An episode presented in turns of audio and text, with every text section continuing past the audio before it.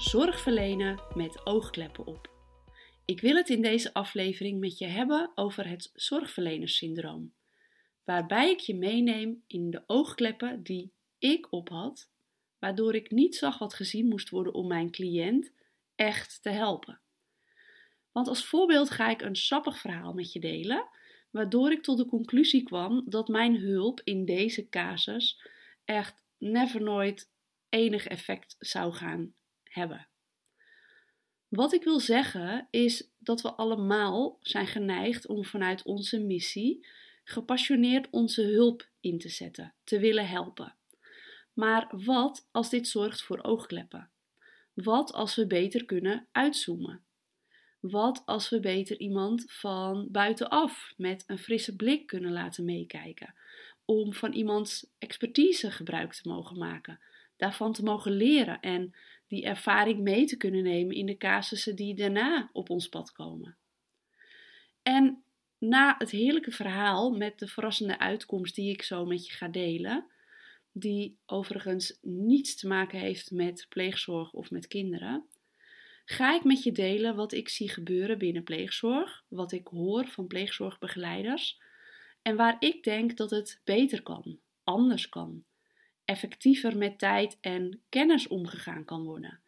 Wat ruimte geeft om jouw expertschap in te zetten waar je echt verschil kunt maken en succesvoller kunt zijn. Welkom in de podcast over zorg verlenen met oogkleppen op. Ik ga je allereerst meenemen in een casus van pakweg 20 jaar geleden. Er kwam een meneer in mijn praktijk met een hond, een blonde labrador. Ik was toen veterinair natuurgeneeskundige in die tijd. Ik was nog geen moeder, nog geen pleegmoeder, want door het pleegmoederschap uh, ging ik een andere weg inslaan. Maar goed, ik was dus veterinair natuurgeneeskundige en kreeg op een dag die meneer in de praktijk met een hond. En deze hond had jeuk. Zo erg dat deze meneer al maanden op de bank sliep om de hond ervan te weerhouden zijn huid s'nachts weer helemaal stuk te bijten, wat hij overdag iedere keer probeerde te voorkomen. Vanuit mijn drijf om te willen helpen, ging ik naar beste kunnen aan de slag met voeding, natuurlijke middelen om de orgaansystemen um, op orde te brengen, die mogelijk een onderliggende factor konden spelen in dit verhaal.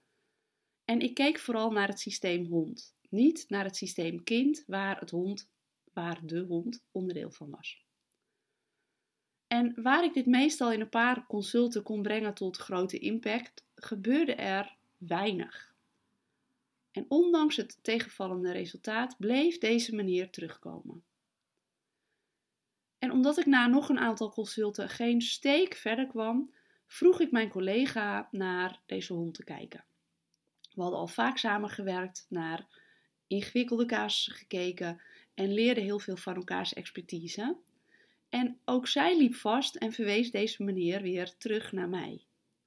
Maar zoals we uitgebreid spraken over doorverwijzingen, kwam, kwamen wij pratende voort tot woorden voor ons onderbuikgevoel. En aan mij de eervolle taak dit verhaal te verifiëren door open vragen te stellen als deze meneer opnieuw weer bij mij binnenkwam. Nou, lang verhaal kort. Ik kreeg op tafel dat het vooral zijn vrouw was geweest die mij iedere keer naar, of die hem iedere keer naar mij toestuurde. Na verschillende mislukkende dierenartsbezoeken. En deze manier wilde helemaal niet dat de jeuk zou verdwijnen. Dus wat ik ook uit de kast trok, het ging niet helpen. Deze meneer, en nu komt hij, wilde graag op de bank blijven slapen naast de hond. Dat wilde hij liever dan terug naar zijn eigen bed en slapen naast zijn vrouw. Er was dus een heel ander probleem onderliggend, waardoor deze meneer het echt niet ging laten gebeuren dat mijn adviezen effect zouden gaan hebben. En er was dus hele andere expertise nodig. Of eigenlijk de vraag: is hier wel expertise nodig als deze meneer de situatie wil behouden zoals die nu is? En dat vraagt dus uitzoomen. Dat vraagt um, uitzoomen op ja, wat gebeurt hier nou eigenlijk echt? Waarom werkt aanpak X en Y niet? En dus niet wat is er nog meer mogelijk in ditzelfde straatje, maar wel wat is hier nou echt aan de hand en wat is hier echt nodig? Of is deze meneer in dit geval wel eigenaar van het probleem? Met andere woorden, is deze meneer wel bereid om het probleem daadwerkelijk aan te pakken? Nou, het antwoord van deze meneer, die kennen we. Maar waar ik de eerste jaren in mijn praktijk degene was die vol enthousiasme iedereen wilde helpen, leerde ik dat als de cliënt niet echt bereid was om een probleem aan te kijken en dit aan te gaan, dat dit zonde was van mijn enthousiasme, van mijn energie, van mijn expertise en voor mij vaak resulteerde in een teleurstelling, omdat ik wist dat er meer mogelijk was.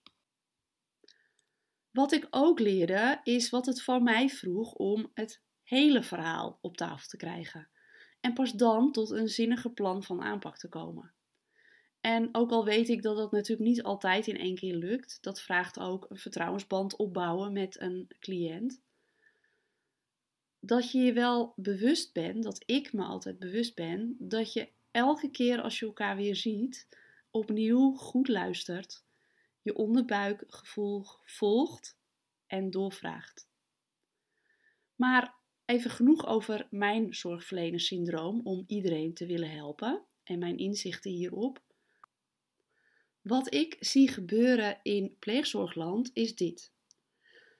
Een van de situaties die ik vaker voor zie komen is dat pleegouders hun pleegkind zien worstelen en weten dat er hulp nodig is. En daarmee stappen zij ook regelmatig in dat zorgverlenerssyndroom, in die valkuil daarvan. Ehm, en zij gaan die hulp opdringen aan het pleegkind. Zij vinden dat hun kind geholpen moet worden. En op wat voor liefdevolle manier dat ook verpakt wordt, ze dringen dit op aan hun pleegkind. Vanuit de wil om het kind te helpen, natuurlijk. Maar zij vinden dat het pleegkind aan de slag moet met zichzelf. Heeft dit zin? Wordt dit de meest effectieve therapie ever? Nee. Sterker nog, deze houding vanuit pleegouders beschadigt de band met hun pleegkind. Want waarom is dit kind niet goed genoeg zoals het is? Waarom mag dit kind niet zijn zoals het is met zijn rugzak? En natuurlijk, deze pleegouders en jij en ik weten, in die rugzak zit die beerput die vroeg of laat zorgt dat dit kind tegen een muur aanloopt. En niet verder kan op de manier waar hij het tot dat moment deed. Maar het kind bepaalt wanneer het klaar is om dit aan te gaan. Dan is het kind eigenaar van het probleem en dan zal het effectiever zijn. En dan heeft hij pleegouders knijterhard nodig om op terug te kunnen vallen. En daar is die vertrouwensband zo hard voor nodig dat het pleegkind weet dat het op deze pleegouders kan terugvallen. Dat ze naar hem of haar luisteren. En zonder dat pleegouders daarmee een garantie kunnen geven of ze dat pleegkind kunnen helpen, is het belangrijk dat een pleegkind weet dat ze er zijn en dat er naar ze geluisterd wordt. En natuurlijk zijn er ook uitzonderingsgevallen waarin opgedrongen hulp wel wenselijk is. En toch zou de wil van het kind uitgangspunt moeten zijn, zodat het draagkracht is vanuit het kind om dit proces aan te kunnen gaan, om zichzelf aan te kijken in die spiegel.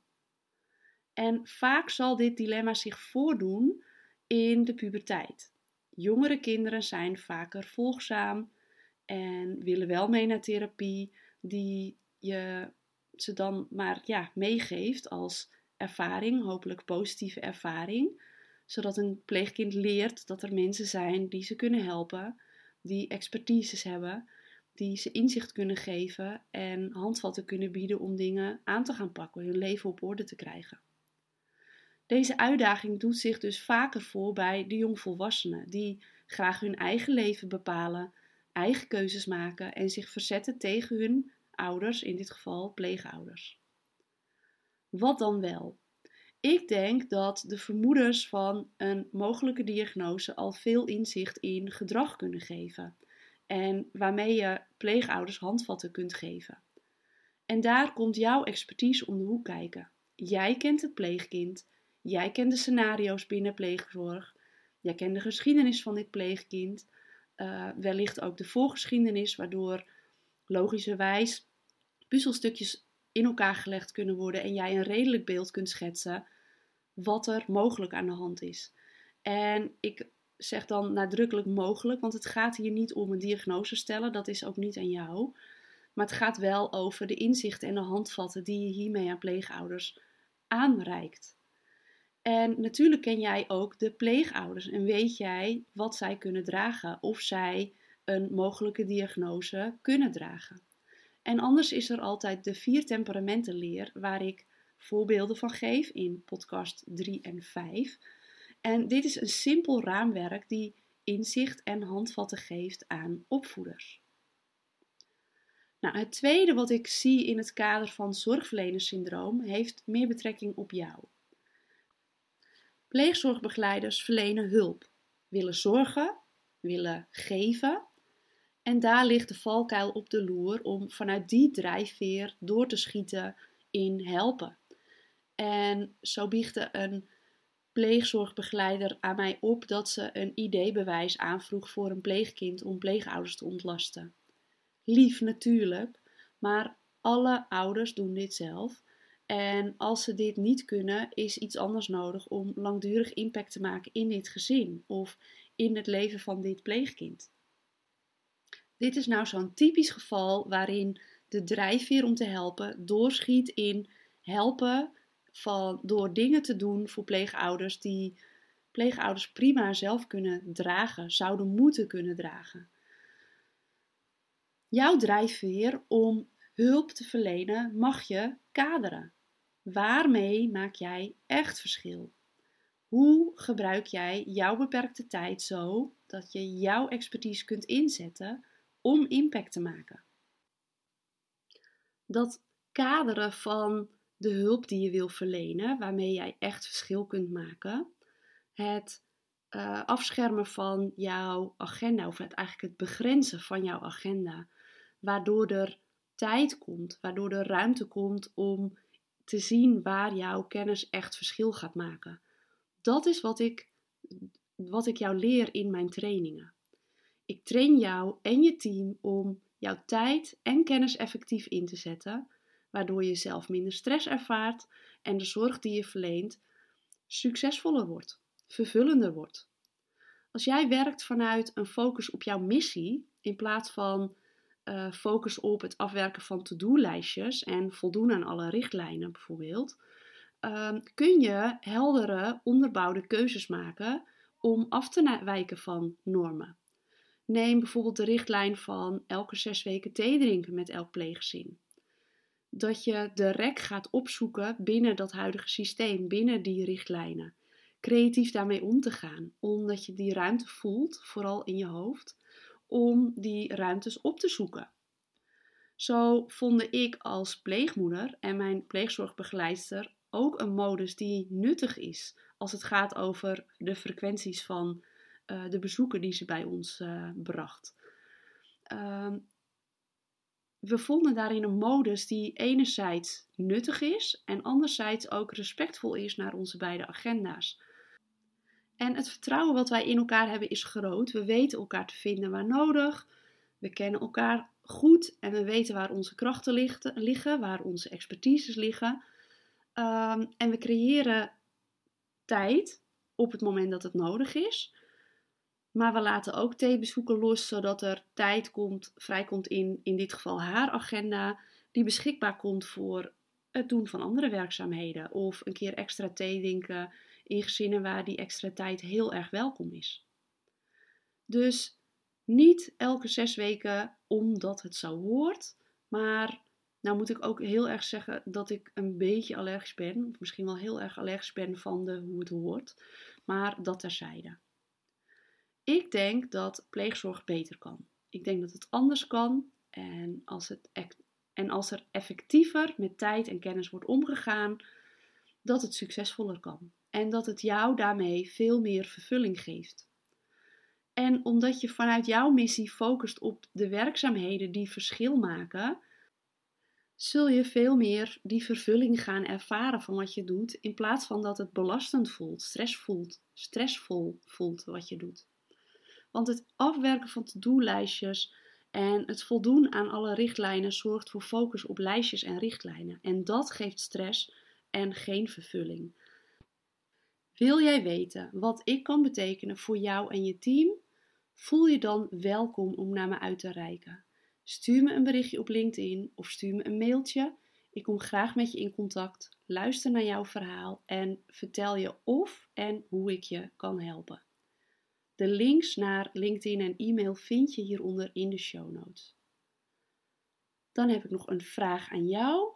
Als je mijn podcast nuttig vindt, wil ik je vragen deze te delen met collega's en een review achter te laten in de sterrenranking, zodat deze podcast beter te vinden is voor jouw collega's. Nou, bedankt alvast en tot de volgende keer.